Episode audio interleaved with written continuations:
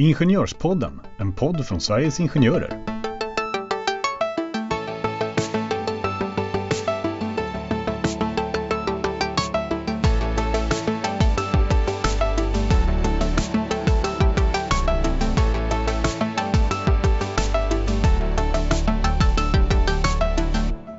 Hej och varmt välkomna alla nya och gamla lyssnare till eh, Trot eller ej avsnitt 47 av Ingenjörspodden.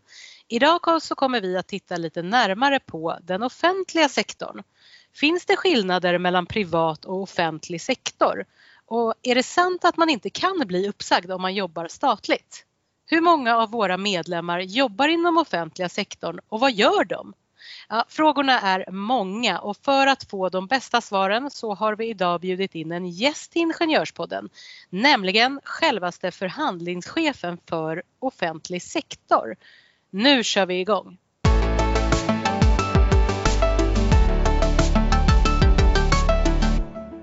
Ja, precis som Jenny berättade här så dagens gäst är som ni hörde förhandlingschefen för offentlig sektor. Välkommen Andreas Nyström! Hur känns det att gästa Ingenjörspodden? Jag tycker det känns jättekul. Ehm, det är mitt första poddinspelning faktiskt, men ehm, jag tror att det ska gå bra det här. Det här kommer gå så bra.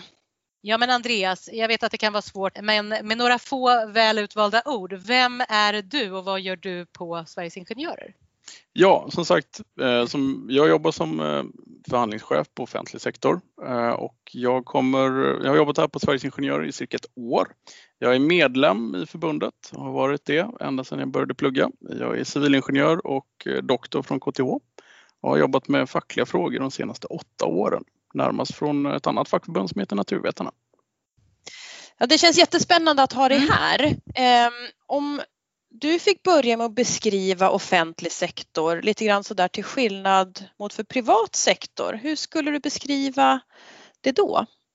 Ja, den största och kanske mest kännbara skillnaden är att offentlig sektor drivs ju inte med ett vinstintresse som man driver företag i, i privat eh, sektor.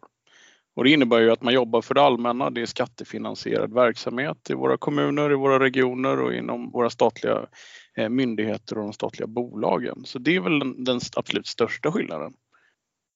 Mm. Sen känner man ju till det här med offentlighetsprincipen. Vad är det för något och hur kan det påverka offentligt anställda? Ja, alltså oftast eh, vi som medborgare i landet Sverige märker väl av det när journalister gör granskande reportage. För eh, det man gör i yrkesvägnar när, man jobbar åt en kommun eller en region eller en statlig myndighet är allt som oftast en offentlig handling som, som medborgare eller journalister kan begära ut och läsa.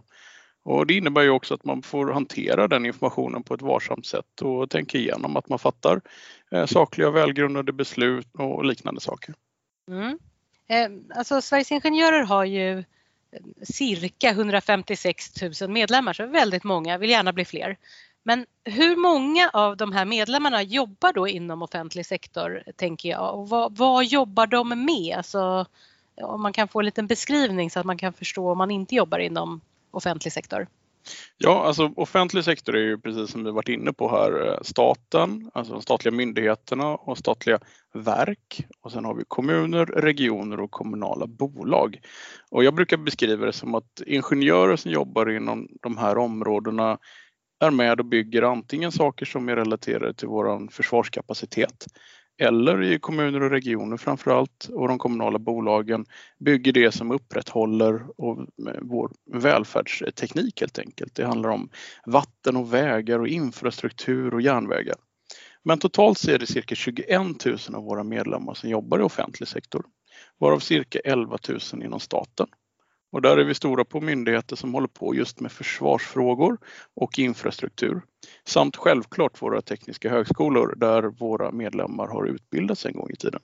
Eh, vi har ungefär 1500 eh, medlemmar i kommunala bolag och då är det kommunala fjärrvärmebolag, avlopp och vattenbolag och sådana saker som flera kommuner oftast går ihop och driver tillsammans. Och sen har vi eh, våra kommunalt anställda ingenjörer Många av dem jobbar med stadsbyggnadsfrågor eller på tekniska förvaltningar med bygglov och planarkitektfrågor och eh, dimensionering av avloppssystem och liknande saker. Och sen så har vi ett antal ingenjörer som även jobbar i våra regioner med IT-frågor. Vi har ortopedingenjörer som jobbar inom sjukvården och medicinstekniska ingenjörer som har haft väldigt mycket att göra den senaste tiden genom att underhålla alla ventilatorer på alla våra IVA-enheter runt om i Sverige. Mm, det var eh, eh, detaljerat men jag tänker hoppa till din första och det var ju att vi hade 11 000 medlemmar inom staten. Vad, gör, alltså, vad är det typiskt, eh, om man jobbar inom staten som ingenjör, vad är det ett, liksom, en vanlig eh, tjänst? Alltså vad, vilken myndighet och vad pysslar man med? Ja, alltså vanlig vanlig tjänst. Jag tycker alla våra medlemmar är unika och har sin mm. speciella lilla nisch. Såklart. Men bra, många, bra där Andreas. ja. men många av dem jobbar som projektledare skulle jag vilja säga. Mm. Till exempel på Försvarets materielverk eller mm. inom Försvarsmakten. Eh, och sen har vi andra eh, platser som till exempel på Patent och registreringsverket, PRV, där medlemmar jobbar mm. med att handlägga patentansökningar. Eh, så bredden är väldigt stor mm. skulle jag vilja säga. Allt från strålsäkerhet Eh, till bandbreddsfrågor eh, på PTS till eh, IT-system och databaser på, på nästan alla myndigheter. Ja, spännande.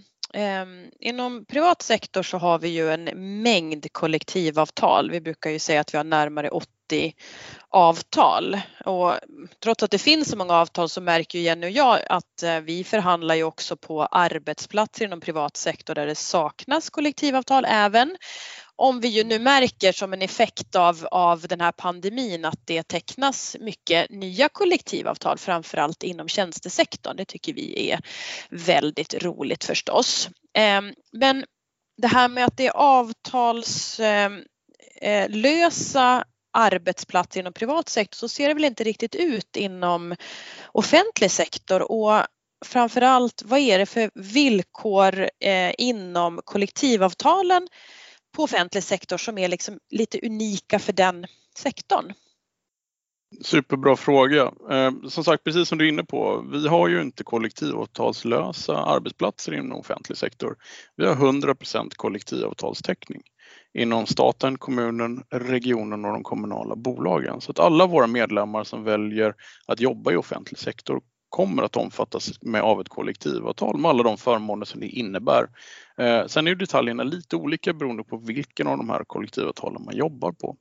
Men det finns några speciella saker i de här kollektivavtalen som vi och våra medlemmar tycker är väldigt förmånliga.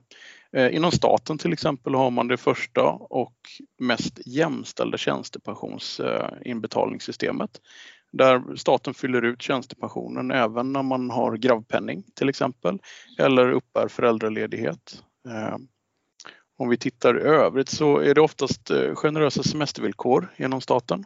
Eh, när man är över 40 så har man många semesterdagar inom staten.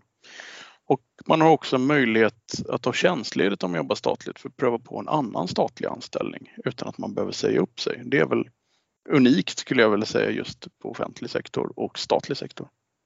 Ja, det tror jag inte har undgått någon som, som har pratat med någon som jobbar inom, inom staten, det här med semesterdagarna. Det är folk eh, snabba att berätta om hur många mm. extra dagar de har och det förstår jag. Det är ju mycket värt att få extra semesterdagar. Men det är också rätt speciellt att det, det handlar om alltså semesterdagar i jämförelse till ålder. Ja, men det är en egen konstruktion där. Mm. det är ålder som, som är kvalificeringskravet till eh, semesterdagarna. Det här är en fråga man kan vända på på många olika ja. sätt. Eh, vi kan i alla fall konstatera att eh, som sagt, vi är väldigt glada just när det gäller tjänstepensionen inom statlig sektor att man gjort de här förändringarna för det innebär ett fullständigt jämställt intjänande av tjänstepension vilket fler mm. sektorer skulle behöva ta över. Ja men såklart. Ehm, ett rykte som finns eh, när man pratar om just till exempel staten och även offentlig sektor det är att det är i princip omöjligt när man väl har fått en anställning att bli uppsagd. Eh, stämmer det eller? Nej, alltså en gång i tiden så stämde det innan vi hade ja. 90-talskrisen och vi hade fullmaktsanställningar. Eh, nu ska vi inte gå in i detaljer på dem, men vi har inte märkt av att det är omöjligt att säga upp eh, medlemmar i offentlig sektor i vart fall. Eh, mm. Däremot är det ganska sällan förekommande. Men just nu, dagsaktuella händelser, Eh, som vi har kommunicerat från Sveriges Ingenjörer på vår hemsida och även i debattartiklar så ligger det ju omfattande varsel både på Luftfartsverket där vi har medlemmar och mm. på Chalmers tekniska högskola. Ett varsel på nästan 170 personer där. Och det innebär ju att eh, en del av våra medlemmar kommer tyvärr bli uppsagda här under hösten från de här mm. myndigheterna. Det är ändå ganska sällan förekommande. Varför är det så? Är det för att omplaceringsmöjligheterna är oändliga eller varför varför blir, ja, det är nog fler, flera faktorer som spelar in. Precis som du är inne på så om vi tittar på en kommun eller för den delen en, en region eller för den delen många av de statliga myndigheter där våra medlemmar jobbar så mm. är det en väldigt stor arbetsgivare. Vilket innebär att det finns väldigt långtgående möjligheter att hitta omplaceringserbjudanden. Mm. Om vi tar Försvarsmakten som ett exempel, den finns ju i stort sett i varenda eh, ända av Sverige och det finns väldigt många olika tjänster så att omplaceringsmöjligheterna är goda. Och det andra är ju, och det var därför jag tyckte det var jättekul att spela in den här podden, är ju det faktum att vi har väldigt stort behov av rekrytering av ingenjörer till offentlig sektor för att upprätthålla, underhålla och utveckla vår infrastruktur i kommunerna. Eh, mm. Sjukvårdens teknik den blir allt mer komplex och ingenjörskrävande. Regionerna behöver ingenjörer som kan jobba med komplexa system. Vi har också eh, väldigt stora satsningar inom försvaret. Eh, vi ska rusta upp eh, det svenska försvaret det närmsta, det närmsta decenniet och Försvarets materielverk, för att nämna en myndighet, kommer anställa över 200 ingenjörer det närmsta året. Så att det är väl så att våra medlemmar kanske inte så ofta råkar illa ut när man behöver varsla och säga upp. Mm. För att det, de besitter en kompetens som, för, som myndigheterna och kommunerna och regionerna behöver för framtiden. Och ännu mer med de digitaliseringsutmaningar som vi står inför nu. Eh, så det är väl lite det jag ville pitcha att om det är så att man tycker att det är dags att byta jobb eller om det är så att man blivit varslad någonstans i Sverige så finns det väldigt goda möjligheter att hitta jobb inom offentlig sektor som ingenjör och er kompetens är väldigt eftertraktad. Precis, nu ni där ute som lyssnar och bara jobbar eller har tänkt att jobba inom privat sektor, nu hörde ni en bra pitch här för offentliga sektorn. Mm. Jag tänker lite mer på de här um, likheter olikheter. Nu berörde vi uppsägningar och även om det är ovanligt att det förekommer, om vi vrider det liksom, skruvar åt tumskruven ännu mer. Ibland förekommer att man blir avskedad inom privat sektor eh, och då är det ju tågordningen så att vi har rätt att begära en, en överläggning och innan den är avslutad så får inte arbetsgivaren verkställa avskedet. Men jag har förstått det som att det inte riktigt så här det funkar inom eh, statlig sektor utan ni har en personalansvarsnämnd. Det låter lite allvarligt. Men kan inte du berätta Andreas, vad för typ av ärenden hamnar där? Vad gör nämnden och hur ofta är vi involverade i ärenden som rör våra medlemmar? Personalansvarsnämnden är ju, sker ganska sällan skulle jag vilja säga på, offentlig, eller på statlig sektor. Och det sker när, när det är någonting som är väldigt allvarligt som har skett på myndigheten. Om det är någon som har stulit någonting eller om det är någonting som kan leda till ett fängelsestraff till exempel. Eh, så väldigt sällan. Vi företräder våra medlemmar där eh, på bästa möjliga sätt. Har ni även eh, möjlighet till en överläggning också? Ja, det har vi. Alla avsked, där har vi möjlighet till en överläggning. Sen är det själva personalansvarsnämnden som fattar en rekommendation om myndigheten ska gå vidare med ett avsked eller inte. Mm. Ja, eh, spännande. PAN kallas i alla fall för er som lyssnade och det var ganska mycket detaljer men eh, om, om ni hör eh, ordet PAN så står det för personalansvarsnämnd i alla fall. Och hos ja. oss på offentlig sektor är det, det är absolut det vi får mest hjärtklappning av när det kommer in en fråga om PAN. Ordet PAN, det är ingenting. Ja. Nej, jag förstår. Ja, det finns ju en hel del olikheter och det är det vi försöker belysa här på ett så lätt sätt som möjligt. Alltså om man tittar på en till olikhet, alltså privat sektor eh, delas ju i alla fall hos oss på Sveriges Ingenjörer upp i tjänstesektorn och så har vi industrisektorn. Eh, medan offentlig sektor består av eh, Eh, stat, kommun och regioner. Om vi tittar på lite eh, likheter och skillnader eh, så tänker jag att på privat sektor så har vi exempelvis arbetsgivarorganisationer inom svensk näringsliv som motpart.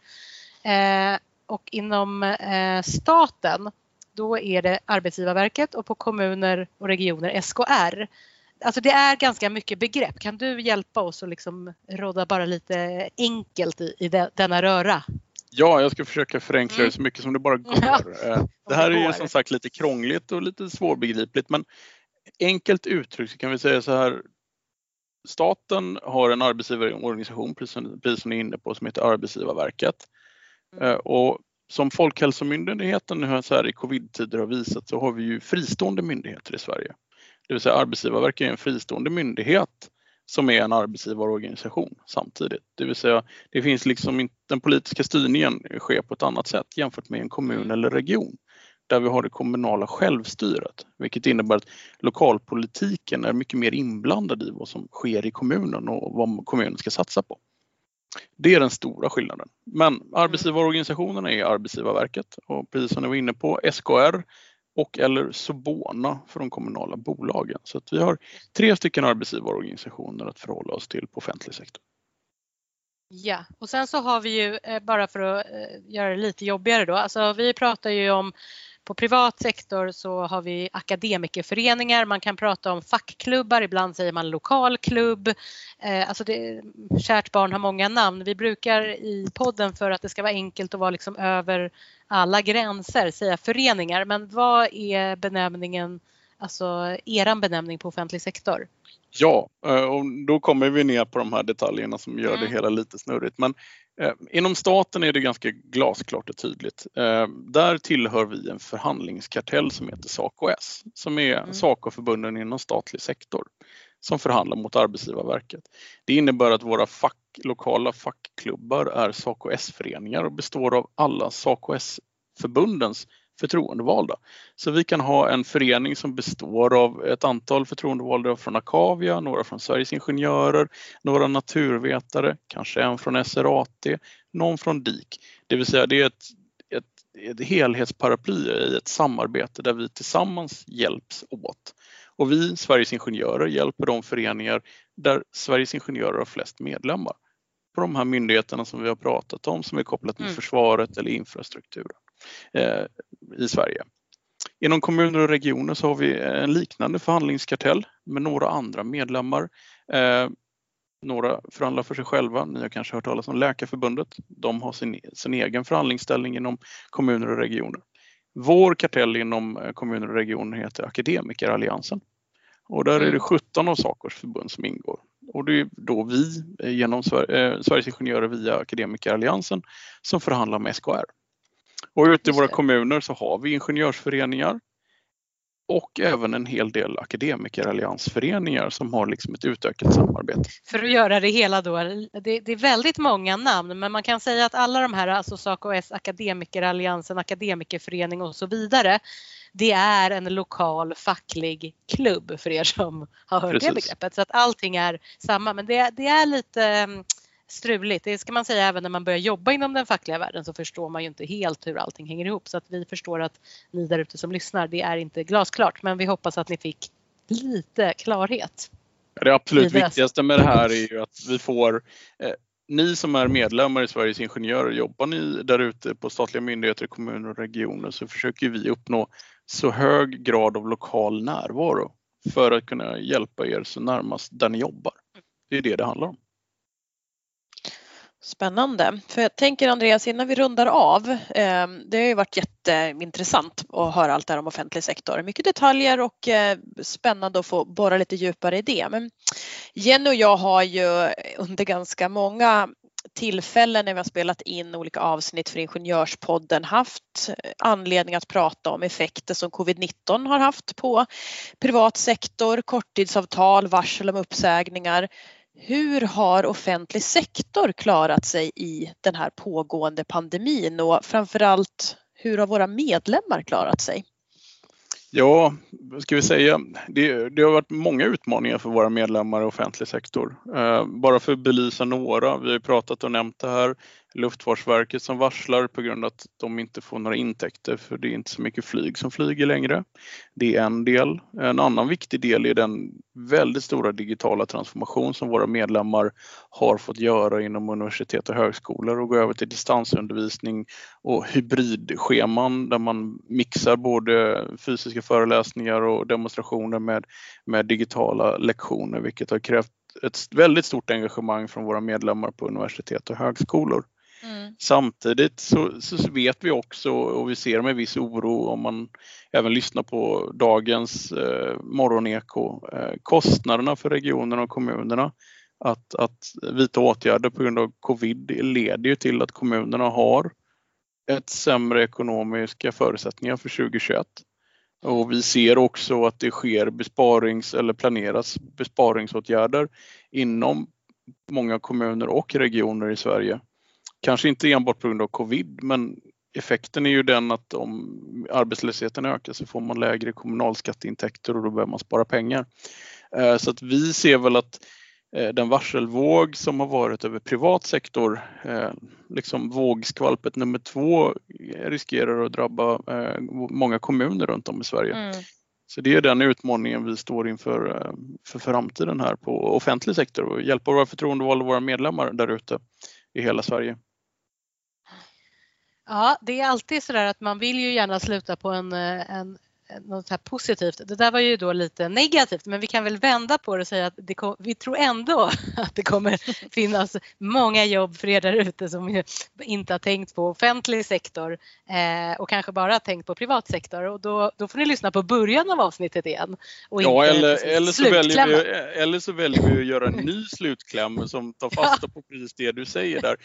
För vad jag inte hann säga var att vi ser väl kanske inte att det här kommer drabba våra medlemmar i särskilt hög utsträckning för att kommunens utmaningar med infrastruktur och regionernas mm. utmaning med digitalisering de försvinner ju inte bara med, med trollspö utan vi ser ju snarare att man behöver anställa mer kompetenta ingenjörer, fler kompetenta ingenjörer runt om i Sverige. Så, ja, men ni hör positiv avslutning. Så att säga. Ja men det är bra. Ni hör och eh, jag och Stina som känner Andreas vet att han inte bara kan utan vill gärna prata mer och mer och mer och vi skulle kunna säkert prata i två timmar om det här.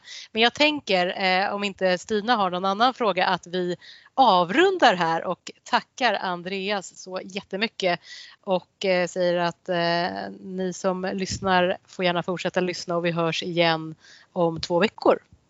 Vad säger du Stina? Ja men eh, verkligen jättespännande Andreas. Tack för att du har varit med. Eh, som vanligt då, glöm inte bort att prenumerera på Ingenjörspodden. Och också så kan ni ju skicka in frågor till Ingenjorspodden snabela sverigesingenjorer.se. Mm. Tack för idag! Tack och hej!